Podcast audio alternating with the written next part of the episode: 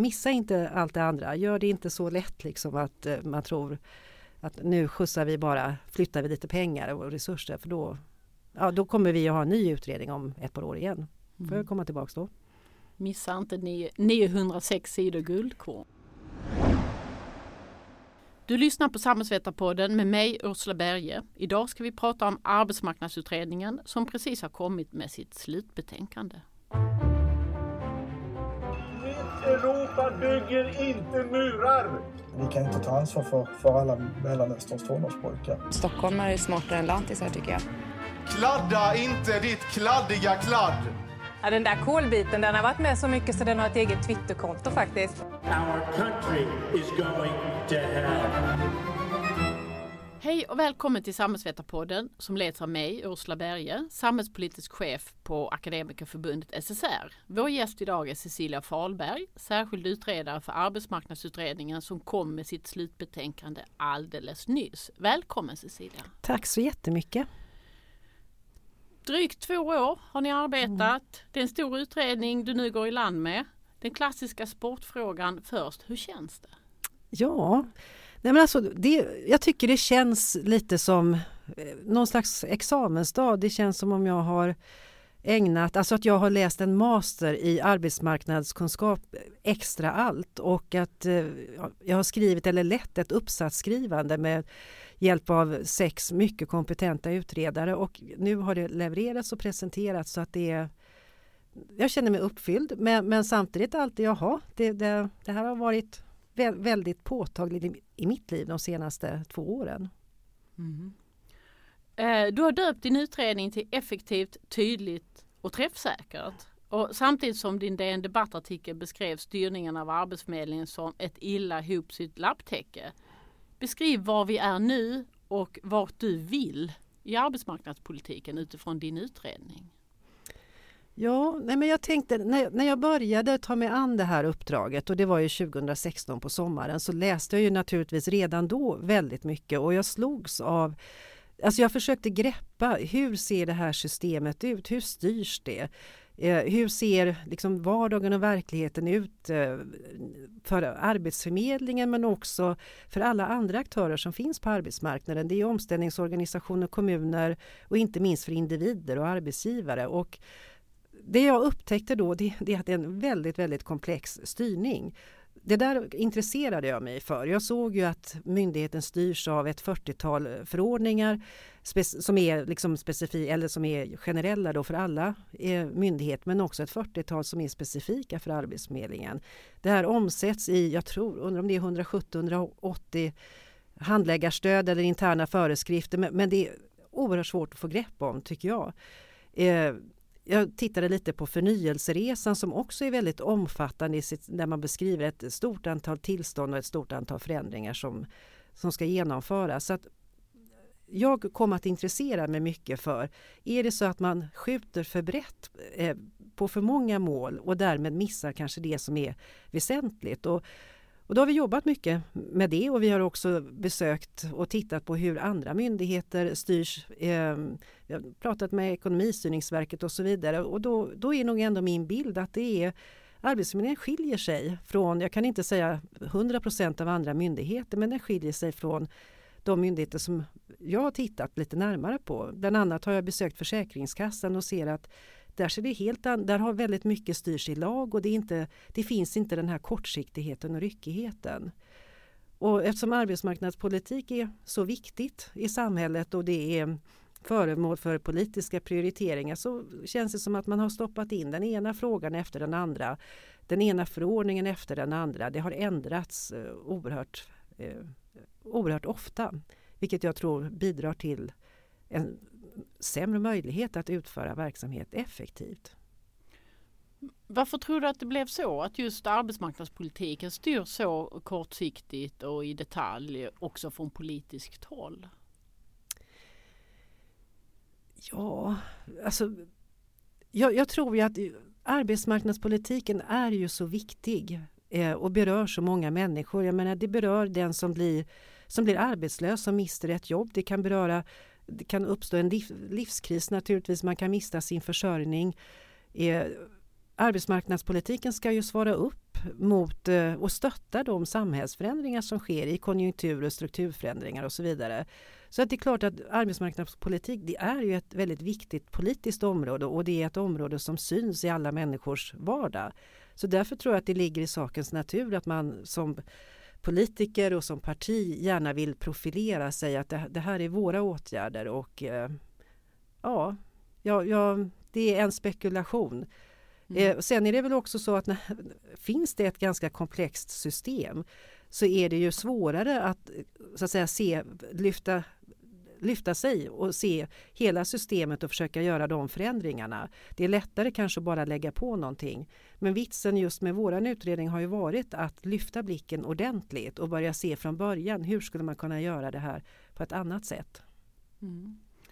Jag har ju slagits av, du skriver i din DN debattartikel att det här verkar vara alla regeringars favoritområde. Mm. Och där har jag slagits lite av att uh, varje regering kommer med något nytt någon ny åtgärd mm. som heter instegsjobb eller mm. nystartsjobb eller inträdesjobb mm. eller etableringsjobb. Det är tusen namn och, och, mm. och alla vill på något sätt uh, bli ihågkomna för någonting mm. som de har byggt och att det, det, blir det blir väldigt kortsiktigt av det. Men uh, Ja det är ju lite i, de, i din DN debattartikel kom, beskriver du en kanonad av tillkortakommanden som den här politiken på något sätt äh, i, befinner sig i.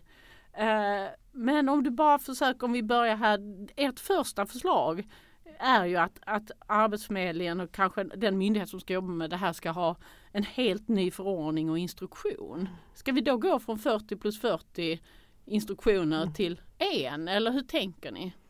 Ja, alltså, dels så, så tänk, när det gäller instruktionen så in, där, där, det är ju så att säga huvuduppdraget och där gör vi förändringar i, egentligen i betoningen på vad, vad ska vara huvuduppgiften för myndigheten. Eh, och i, i, den frågan så går ju vi mot att nej, men vi tycker att huvuduppgiften ska vara faktiskt ungefär det man gör idag, nämligen att, att man ger arbetsmarknadsstöd. Men man ska göra det på ett mer effektivt och träffsäkert sätt. Eh, jag kan ju återkomma till, till varför. Eh, sen in, så sam, har vi en ny verksamhetsförordning och, och det kommer förordningsändringar i kraft av våra förslag. Men utöver det så säger vi också att hela regelverket måste ses över.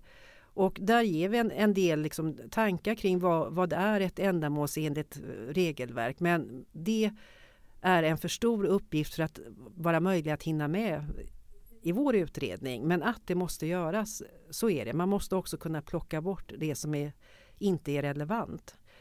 Jag tror att en, en stor förändring eftersom vi föreslår att eh, ins de insatser som ges, de program eller tjänster det ska avgöras egentligen av vad som är mest effektivt för den individ då som ska få ta del av det här. Idag styrs ju resurserna väldigt mycket via eh, alltså mål, prioriterade målgrupper och på det sätt precis som du beskriver nystartsjobb, instegsjobb, extratjänster och så vidare.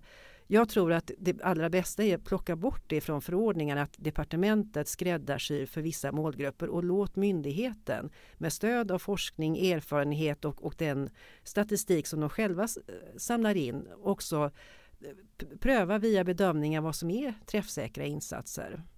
Det tror jag är mycket mer effektivt. Då ser man träd, eh, skogen för alla träd så att säga och det tycker inte jag man gör idag. Mm. Um det, ni säger ju eh, att vi ska ha en, eh, jag vet inte om det är exakt rätt formulerat, men en nationellt sammanhållen arbetsmarknadspolitik. Mm. Eh, varför är arbetsmarknadspolitik ett nationellt uppdrag, alltså ett statligt uppdrag enligt er? Ja, det, det så vet vi att det har ju växlat. Eh, historiskt så har ju eh, arbetsmarknadspolitiken varit kommunal. Det, det, det här har gått li, li, lite olika pendelrörelser kan man säga. Men när vi konstaterar det, eller att det ska vara statligt och nationellt, det är eh, för att svara på frågan vad, vad ska kommunernas roll vara? Eh, vad ska staten göra? Vad ska kommunerna göra? Och där kan vi ju se att kommunerna har kommit att utföra väldigt mycket arbetsmarknadsinsatser. Samtidigt som när man skrapar på ytan på den statistik som bland annat SKL redovisar med 5 miljarder eller 100 000 deltagare så om man liksom skärskådar lite grann, vad är det då som finns i de här 5 miljarderna? Så kan man se att mycket åligger faktiskt kommunerna i form av sociala insatser eller ja, utbildningsfrågor.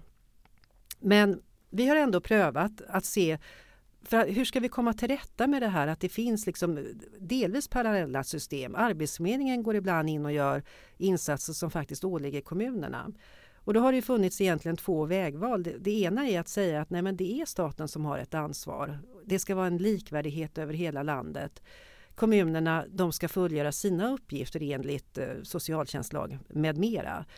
Eh, eller också ska man göra på något annat sätt. Och hur skulle det då vara? Ja, då måste man ju dra en gräns någonstans. Ska man eventuellt dra gränsen för att den som inte har gymnasieutbildning ska tillhöra kommunen eller den som står väldigt långt ifrån ska tillhöra kommunen. Den som har försörjningsstöd ska tillhöra kommunen.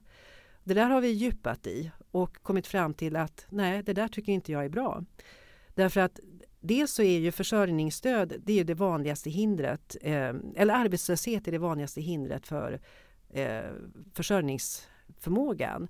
Och ska man då stigmatisera en person eh, och säga att nej men du ska ha liksom en tjänst som kommunerna utför och det kan se ut på 290 olika sätt. Eller ska det vara så att man samlar en expertis och en kunskap i staten som man också förser alla medborgare med. Och eh, där har vi landat i det sistnämnda och jag kan säga att det, den här frågan har diskuterats eh, i expertgrupp, också i referensgrupp och eh, det finns en samstämmighet att arbetsmarknadspolitiken ska vara statlig och nationell. Mm. Och i det här statliga uppdraget eh, ligger ju då idén om att det måste finnas någon myndighet och ni har till och med gett ett namn till den här nya myndigheten. Ni går från det som idag är Arbetsförmedlingen och så föreslår ni något som ni kallar Arbetsmarknadsmyndigheten. Mm.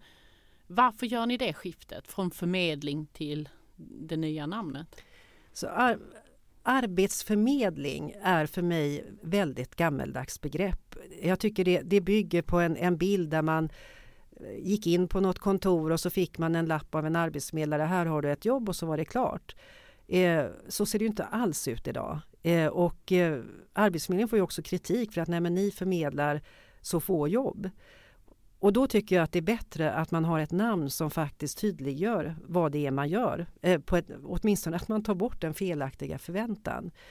Jag tror ju när det gäller eh, ja, men det sätt så, som man får jobb på idag, det är ju Eh, för de som står lite närmare arbetsmarknaden eller är ombytessökande så är det väldigt mycket via digitala kanaler, internetaktörer, rekryteringsföretag, bemanningsföretag och så vidare. Och det, det så kommer det att förbli. Eh, däremot så har ju Arbetsförmedlingen ett oerhört viktigt uppdrag i att stötta både den som står längre ifrån arbetsmarknaden från början men kanske också den som eh, råkar ut för svårigheter i livet, det kan ju vara efter en sjukskrivning eller andra faktorer, då måste man få professionellt stöd i att närma sig arbetsmarknaden och naturligtvis också eh, hjälp med var, var hittar man eh, sina nya jobb. Sen tror jag att Arbetsförmedlingen, alltså dels har de jobbat väldigt bra tycker jag med sin digitala utveckling med Platsbank. Jag vet att det, det är väldigt mycket som är på gång. Eh, det tycker jag man ska fortsätta med för då tror jag att gemene man kommer få alltså en väldigt stor nytta av just de här digitala tjänsterna. Men det kan, man ju, det kan ju göras i stora volymer utan att det kostar så mycket mer. Så du, du tänker dig att man ska gå från den här ambitionen som man har lyckats med att matcha till att man ska vara en stödfunktion på vägen till mm. att man själv så att säga mm. matchar sig. Alltså, jag bara reflekterar när du säger detta om att för några år sedan sa eh, Ylva Johansson att hon tyckte Arbetsförmedlingen skulle bli en matchningsspecialist. Mm. Vad betyder det i din kontext? Ja, alltså det, och jag kan säga när, när jag började eh, den här första sommaren när jag började läsa in allting, då, då kände jag också att det finns ju två vägar att gå. Många säger att det är Eh, ska Arbetsförmedlingen också kunna hjälpa den som har lite svårare att få jobb, då måste Arbetsförmedlingen kunna jobba med många olika typer av av arbetssökande för att på så sätt bli mer relevanta för arbetsgivarna och kunna säga att ja, men här, jag kan hjälpa dig med den här rekryteringen. Kan du också hjälpa? Jag har några personer här som skulle behöva lite extra hjälp. Men det bygger ju på att de människorna då som är kanske närmare arbetsmarknaden verkligen använder sig av Arbetsförmedlingens tjänster. Det gör de ju inte. Vi har omställningsorganisationer i, i Sverige som inte eh, omfattar alla men åtminstone 80 procent av de som är yrkesverksamma. Vi kan ju inte tvinga dem att säga att Nej, men nu släpper vi omställningsorganisationerna, ni måste gå till myndigheten. Jag tror att det, det, är mycket bättre att se hur fungerar verkligheten och så anpassar man systemen och organisationen efter det. Så jag har ju successivt landat i att jag tycker inte att man ska sikta på att bli matchningsspecialist. Däremot tycker jag att man ska sikta på att ha en väldigt bra digital infrastruktur och man ska jobba jättemycket med begreppsstrukturer som är alltså viktigt att definiera olika kompetenser och att på så sätt underlätta så att man kan göra digitala sökningar som både arbetsgivare och arbetssökande har nytta av. Men i den här världen där man talar allt mer om generella kompetenser och allt mindre om yrke och sådär. Funkar det? Går det att göra? Det är just därför man måste grotta ner sig i den här begreppsstrukturen och, och det finns ju många exempel på det att en, en arbetsgivare kanske söker en, vad ska jag ta för exempel, du, söker, du kallar dig för IT-specialist eh, men det du egentligen söker, alltså som är väldigt generellt, men det du egentligen söker det kanske är just eh, eh, en programmerare som kan språket Python eller någonting annat, vad vet jag. Och med de här grova sätten att definiera kompetens, då hittar man inte varandra. Men ju mer man kan arbeta på en gemensam begreppsstruktur och förfina det här, desto lättare kommer man kunna hitta kompetenser. Och det här är en uppgift som vi, att utveckla de här begreppsstrukturerna. Ja, det låter väldigt sådär akademiskt, men jag är ju på Akademikerförbundet å andra sidan. Eh, det är en uppgift som vi tänker att den nya kompetensförsörjningsmyndigheten ska ta ansvar för att samordna men här krävs ju mycket bred, bred samverkan och, och, med näringsliv och offentlig sektor och parterna. Mm. Jag tänkte vi skulle komma in på den myndigheten sen men jag tänkte en, en stekhet politisk fråga är ju den här vem som ska utföra arbetsmarknadstjänster och där vet jag ju att ni har laborerat med lite olika modeller. Uh, och har landat i en modell som, som, uh, som, som ni säger ska vara utförarneutral. Kan du beskriva den modellen som ni tänker er för vem som ska göra arbetsmarknadstjänster? Ja, det kan jag absolut göra för det, ja, det, det har ju varit en, en het fråga och är inte minst just nu. Så att, men det jag först vill säga ändå det, det är att det är väldigt viktigt att inte tro att man löser de problem som man tycker sig se genom att diskutera vem är bäst på att utföra för då, då, då missar man allt det andra som också behöver förändras. Men med det sagt så har vi naturligtvis djupdykt i det här med externa utförare, eh, interna utförare och, och då, då, kommer det fram en del eh, fakta i den analysen. Dels så, så, kan vi se att vi vet att Arbetsförmedlingen idag eh, antingen köper eller utför verksamhet för ungefär 10 miljarder kronor per år. Och då pratar jag inte om individersättningar utan det, det är vad det kostar. Eh, kostnaderna, eh, där går 60 procent av kostnaderna går till externa utförare varav en, tror att det är 75 procent är privata utförare. Resterande cirka 40 procent det utgörs av Arbetsförmedlingens egna regiverksamhet kallar vi det för.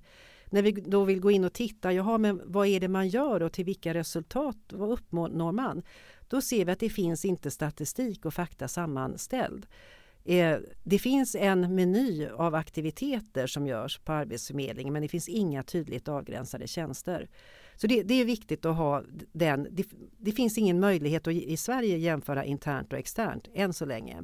Utan att man har infört externa aktörer, det har gjorts av andra skäl. Så kan man ju vidga perspektiven och titta hur ser då forskningen ut? Vi har lite forskning i Sverige eh, men vi har framförallt forskning också i andra länder. Eh, vad säger man? Vi listar i betänkandet olika studier. Vad är mest effektivt? Och då konstaterar vi att nej men, det finns inga belägg för att privata Eh, aktörer är mer effektiva eller externa. Däremot finns det studier som visar på att det är dyrare. Med detta sagt vill inte jag säga att det är uteslutet att eh, externa aktörer skulle kunna vara mer effektiva. Men för att veta det och för att pröva den frågan då tycker jag då måste man gå ganska metodiskt tillväga. Och då tycker jag att första steg är att man eh, avgränsar den del av myndigheten som Eh, de här 40 procenten då, 4 miljarder som arbetar med att, direkt med att stödja arbetsgivare eller arbetssökande. Eh, man avgränsar organisatoriskt men också ekonomiskt med ett eget anslag. Sen när, när man, skapar man tjänster som både, idag kan inte de tjänster externa aktörer utför kan man, gör man inte internt och tvärtom. Men då tar man fram ett utbud av tjänster som förmodligen också måste förändras. Som, där både externa och interna aktörer ska kunna erbjuda samma tjänst. Och det här ska kravställas på samma sätt internt som externt. Då får man ju fram en jämförelse. Och eh, med en sån här samhällsekonomisk analys som, så får man ju successivt utvärdera vilken aktör är bäst för vilken tjänst och också successivt fasa ut den aktör som inte är bäst för den aktuella tjänsten och strunta i om det är en privat eller en offentlig aktör. Det är det vår modell går ut på. Så det är en modell som är inom ramen för om man ska vara låst till dagens lagstiftning till en lagen om offentlig upphandling. Det är ett upphandlingsförfarande eller?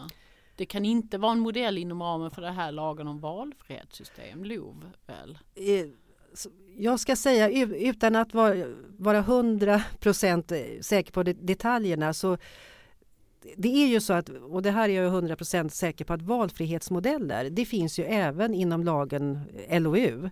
Så att det är inte, man kan absolut ta, och det tänker vi också, att, att för vissa tjänster så kommer en valfrihetsmodell vara bra. Men exakt vilken lag man ska luta sig på, det, det törs jag inte på stående fot, då måste jag kika ner i betänkandet. Men valfrihet och vår modell, det, det är kompatibelt så att säga. Okej, okay, för jag tänker det att alltså jag, det här med vad som är samhällsekonomiskt mest effektivt. Det känns ju som någonting som, som måste analyseras och, och, att man väljer det bästa valet utifrån de kriterierna. Men hela LOVen bygger på att individen själv väljer. Mm. Alldeles oavsett vad som är, alltså den personen kan ju ha andra kriterier för vad som är bra eller dåligt än det samhällsekonomiskt ja. effektiva. Men och då kan det också vara, om man nu ska teoretisera lite grann kring en samhällsekonomisk analysmodell, så jag tycker att poängen är att man ska veta varför man handlar upp en verksamhet. Eh, och det gör man inte idag. Idag är det styrt via förordningar och regleringsbrev. Det ska bara ske. Eh, och sen vet man inte, ja, vi kan ju se då generellt hur resultaten blir. Men nyckeln är att veta, jo men nu lägger vi ut en verksamhet. Och det gör vi av de här skälen. Och det kan vara för att vi, kostnaderna ska vara så låga som möjligt eller resultatet ska vara så högt som möjligt. Eller valfrihet eh, är väldigt betydelsefullt.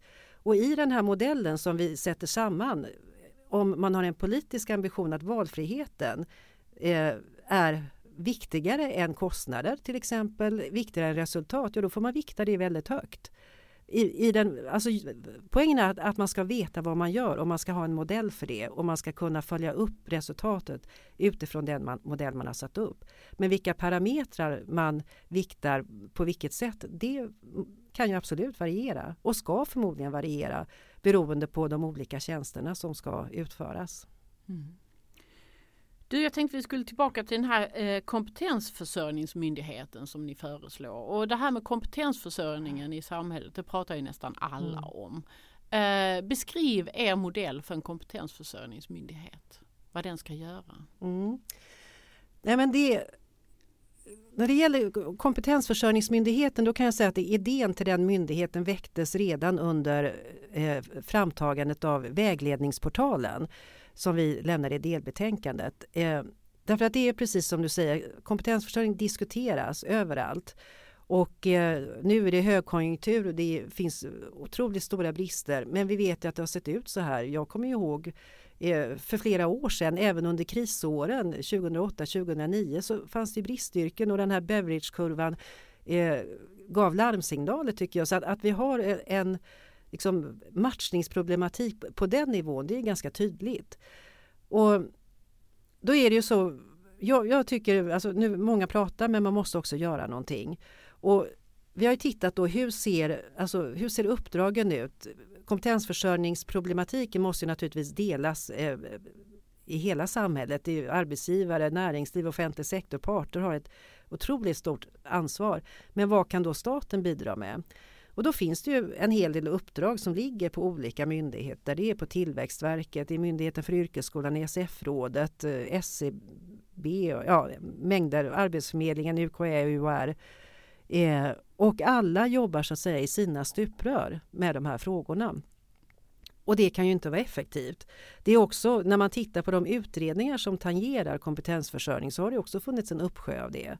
Och därför tror jag poängen är att just samla eh, alla de här politikområdena med ett enda fokus, nämligen kompetensförsörjning.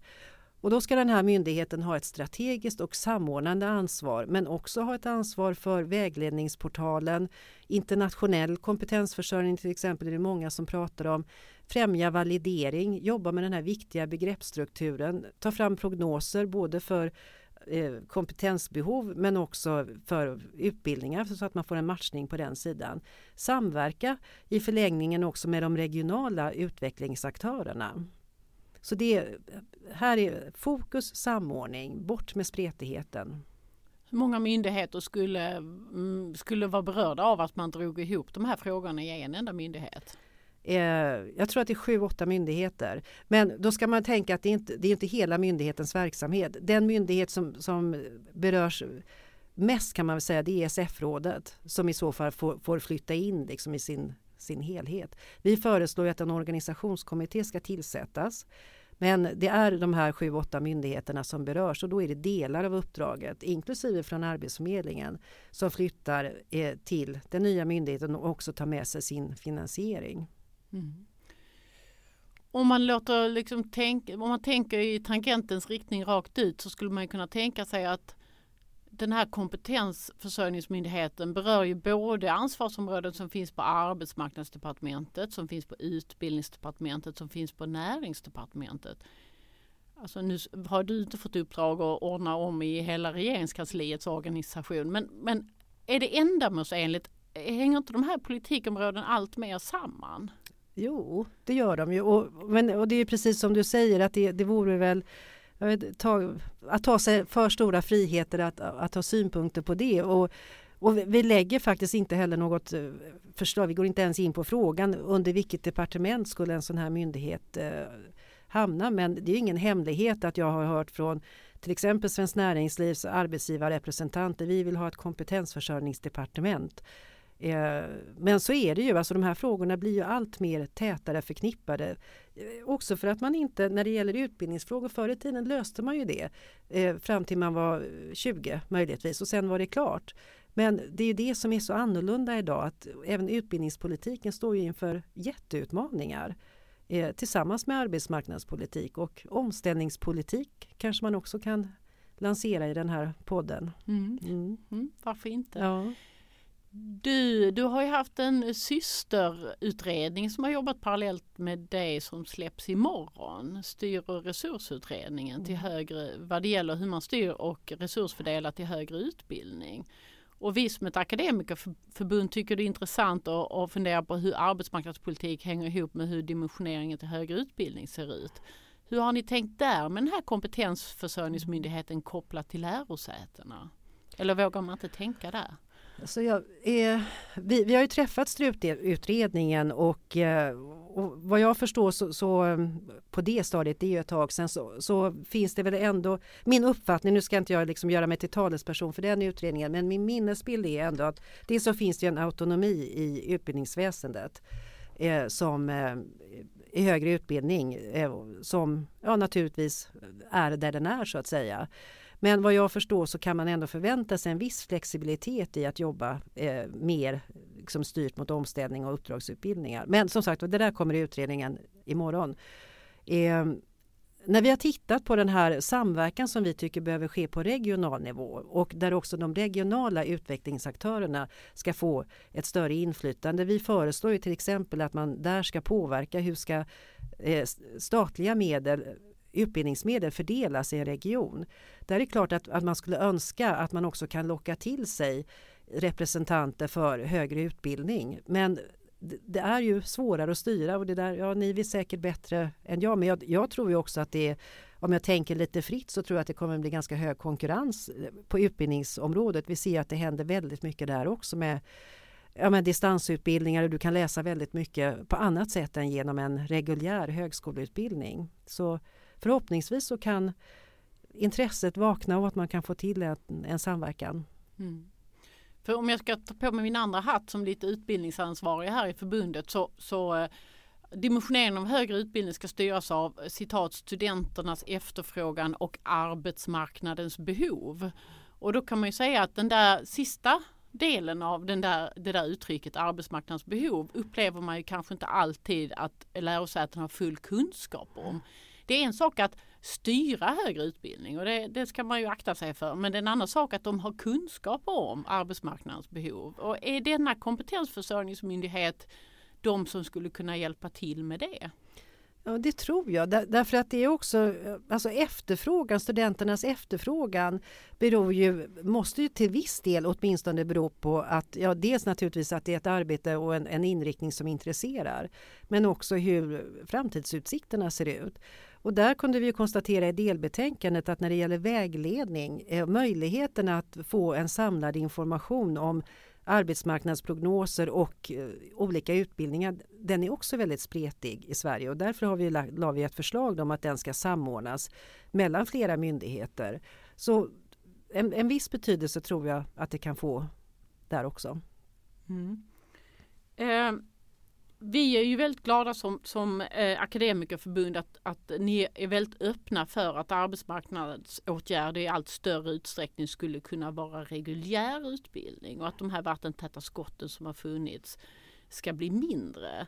Kan du beskriva det, er väg i det mm. avseendet?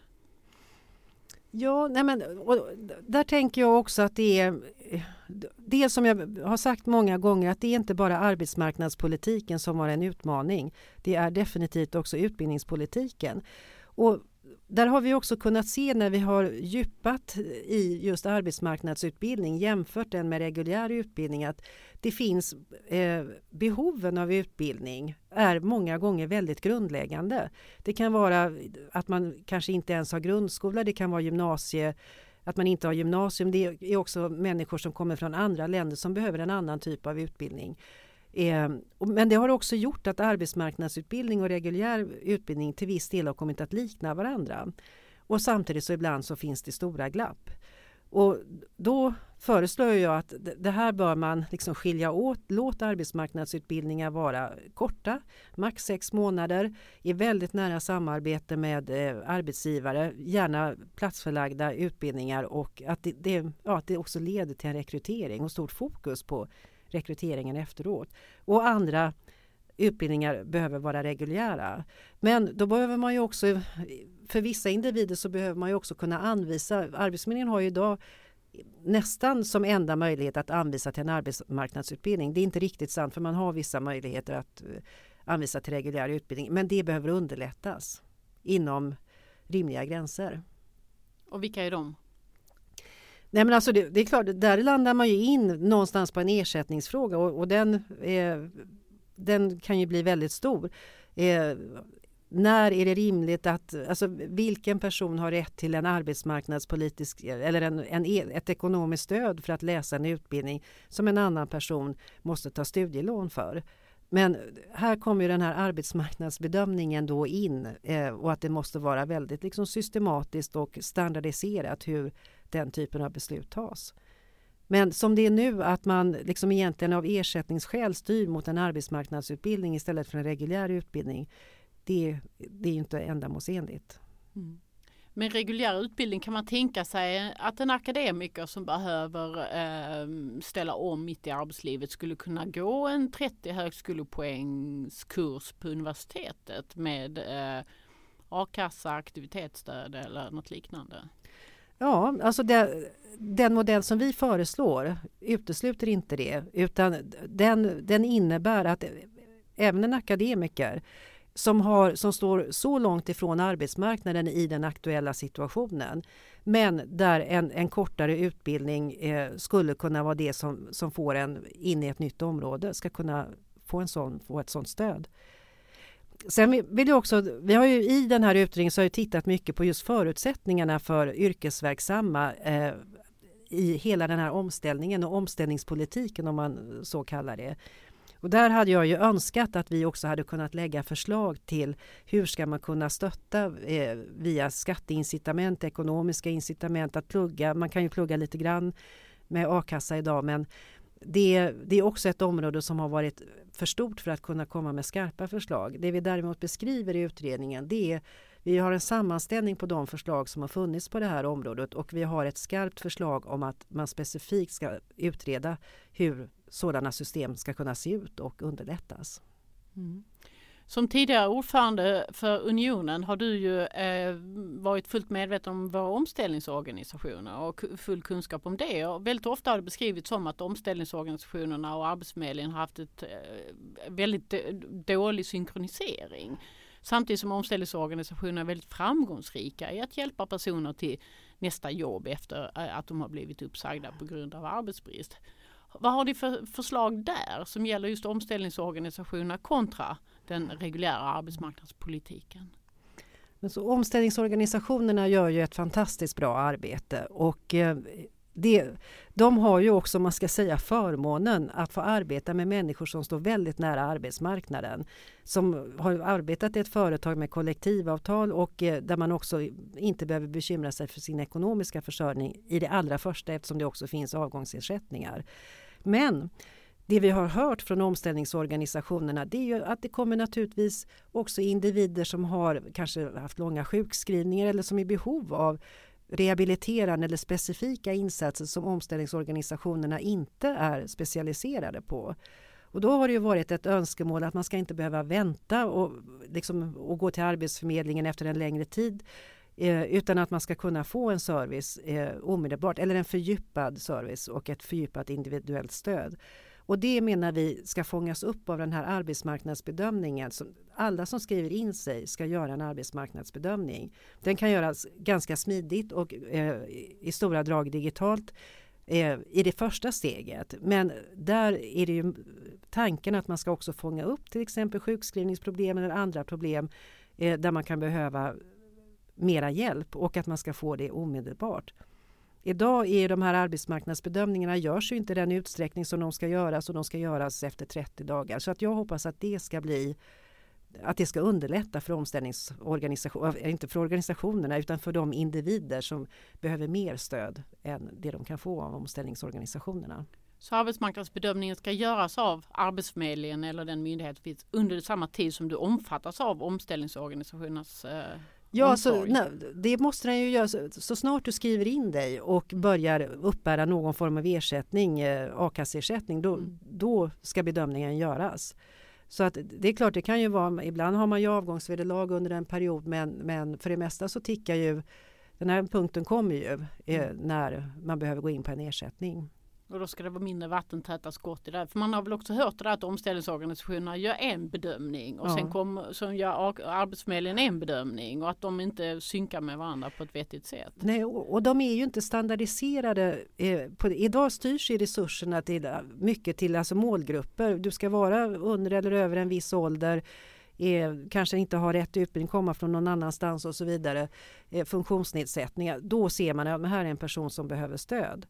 Eh, men det är ju viktigt att standardisera och dessutom är det ju upp till varje arbetsförmedlare att göra. Det här är ju individuella bedömningar som, som ligger på den enskilda arbetsförmedlarens axlar naturligtvis med mängder av, av handläggarstöd så att jag säger inte att man liksom hej vilt på något sätt bedömer men en standardiserad bedömning där det är mer tydligt vilka eh, ja, vad som krävs för att man ska kunna få ett extra stöd. Det tror jag kommer hjälpa och systematik.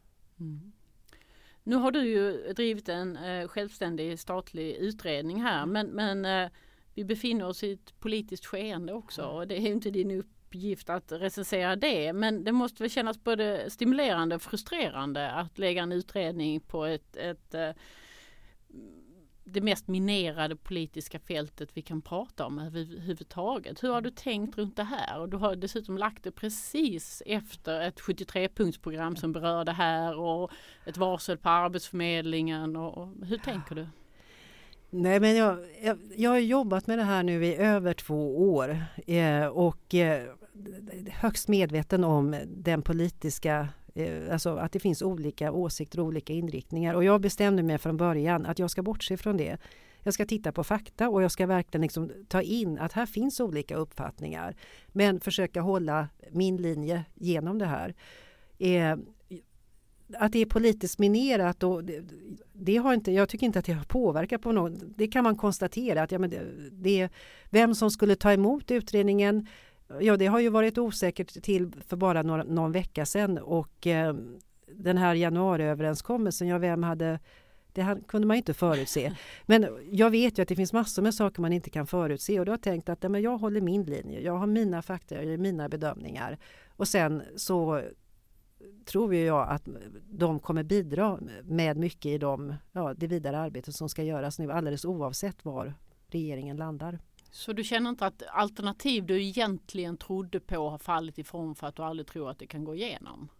Nej, alltså det, det, det, gör jag inte för att jag tänker att om jag poängterar då att det som är viktigt och det är väl mitt liksom viktigaste medskick. Man kan inte bara diskutera ska det vara privat eller offentlig utförare, internt eller externt. Om man bara tittar på det, då, då gör man det väldigt enkelt för sig. Eh, det som är allra viktigast är att man tar till sig alla våra förslag och att man ser den helhetsbild som vi bygger upp. Eh, sen ska man välja naturligtvis utförare efter, tycker jag, att, utifrån vad som är mest samhällsekonomiskt effektivt. Men om man väljer då att lägga in andra parametrar i det, ja det må ju vara upp till politikerna att besluta. Eh, så det är en del, så, men det enda jag känner, missa inte allt det andra. Gör det inte så lätt liksom att eh, man tror att nu skjutsar vi bara, flyttar vi lite pengar och resurser för då, ja, då kommer vi att ha en ny utredning om ett par år igen. Får jag mm. komma tillbaks då. Missa inte 906 sidor guldkorn. Nej, precis. fin helig läsning. Ja. Vad vill du ska hända nu? Förutom att eh, du och kansliet antagligen ska gå på lite ledighet. Och, va, vad ska hända med utredningen? Alltså någon ledighet blir det ju inte tal om. Nej, okay. eh, nej men nu får vi väl se då hur, hur, eh, hur den bereds och hanteras och eh, jag gissar väl att det blir en remisshantering. Och ja, vi får se. Ja, jag tycker att det ska bli väldigt spännande att se eh, vad som händer härnäst. Och det jag mest hoppas, men det gör väl alla utredare, det är att, att man läser och tar till sig eh, informationen. Det är naturligt. Det är, mm. Mycket kunskap. Ja, verkligen. Tack Mas för att du kom Cecilia. Tusen tack Ursula. Det var allt från Samhällsvetarpodden den här veckan. Samhällsvetarpodden görs varannan vecka och fångar upp stora samhällspolitiska frågor, helst med facklig twist. Prenumerera gärna på oss på de ställen där du brukar hitta dina podcasts. Samhällsvetarpodden görs av Akademikerförbundet SSR, Sveriges ledande samhällsvetarförbund.